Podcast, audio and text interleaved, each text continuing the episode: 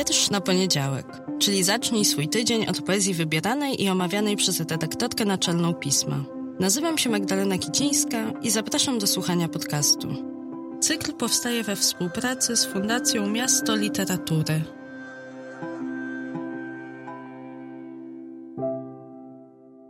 Dzień dobry, cześć, witajcie, witajcie po przerwie. Mam nadzieję, że luty z czterema bardzo różnymi wierszami w bardzo różnych, ale każda z nich była fantastyczna, interpretacjach był dla Was miłą odskocznią od tego, co tutaj na co dzień, na co tydzień robimy, od tego, o czym Wam mówię i jak Wam mówię, ale też, że może odrobinę mieliście okazję zatęsknić. Jest 55. odcinek podcastu Wiersz na poniedziałek, pierwszy w marcu. A bohaterką tego pierwszego po przerwie, pierwszego marcowego odcinka jest poezja Urszuli Honek, autorki, która 6 lat temu debiutowała tomem Sporyż, a w piśmie po raz pierwszy pojawiła się w 2018 roku. Urszula Honek. Moja mała. Była głupią, brzydką dziewczyną, mówili. Chodziła po lasach, straszyła kogo popadnie, kradła dzieci i mężczyzn. Wlejcie w jej gardło rtęć. Powie prawdę. Będzie wyć. Będzie się czołgać, aż tam, gdzie porzucono martwe. Była głupią, brzydką dziewczyną, mówili. Chodziła nad staw, topiła starców i niewierne żony. Pokaż, co masz pod sukienką. Pokaż, co masz w sercu. Z piachu powstała, w mokre się zamieniła. Była głupią, brzydką dziewczyną, mówili. Ręce nacierała łojem, zwabiała owady a wy wszyscy wilcy, a wy wszyscy skurwysyny, śpiewała. Poezja Honek kojarzy mi się z moim uwielbianem. Temu uwielbieniu daje wyraz bardzo często ostatnio w ludowym piśmie Bolesławem Leśmianem. Tematy wierszy, a przede wszystkim chyba ich nastrój przenoszą mnie w krainę leśmianowskiej frazy i wyobraźni. Może to, że autorka pochodzi z Racławic koło Gotlic, czyli z Beskidu Niskiego, ma tutaj znaczenie. Ja bardzo wierzę w taki biograficzny klucz do rozumienia, ale przede wszystkim do odczuwania twórczości artysty, artystki.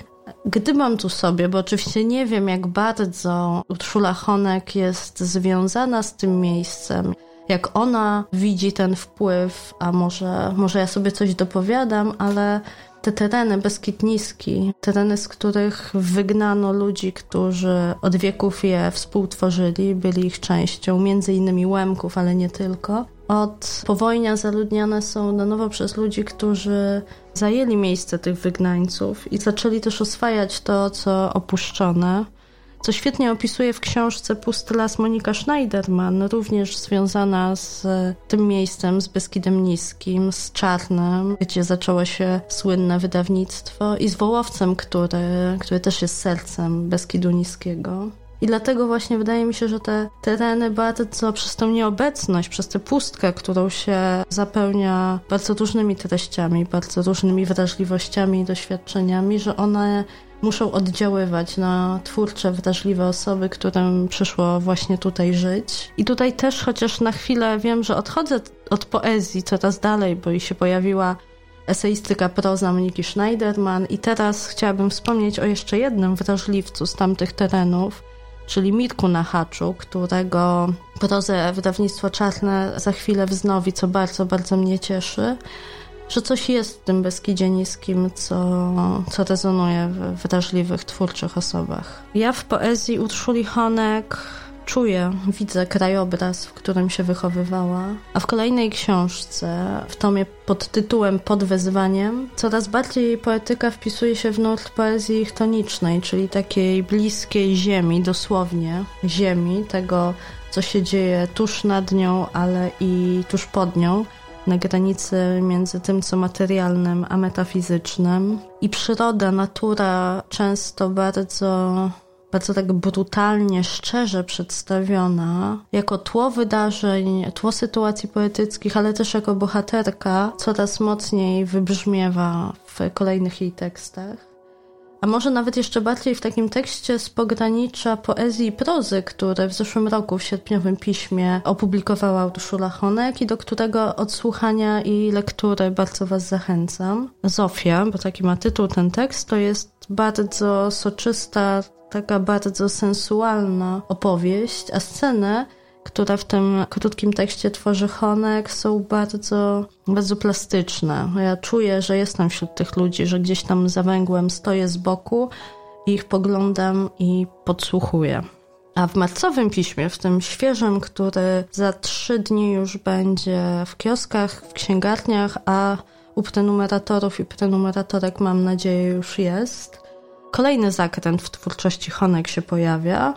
Zupełnie innego rodzaju tekst. Witalisy, wiersz, w którym autorka krąży nadal wokół tematu śmierci i mroku, dzikości, tego co nieoswojone i tego co oswojone, ale tym razem jakoś jeszcze inaczej, dlatego mówię, że to zakręt. Tak, tak czuję, znając wcześniejsze teksty i język, i nastroje w tekstach Urszuli Honek. Więc tym bardziej jestem ciekawa tomu, który po dwóch udanych, też dobrze przyjętych książkach poetyckich wyda. Mam nadzieję, że już niedługo. Bo świat tej poetyki, świat poetyki Urszuli Honek bardzo wciąga. Urszula Honek. Witalisy. Czyta Grzegorz Szponder.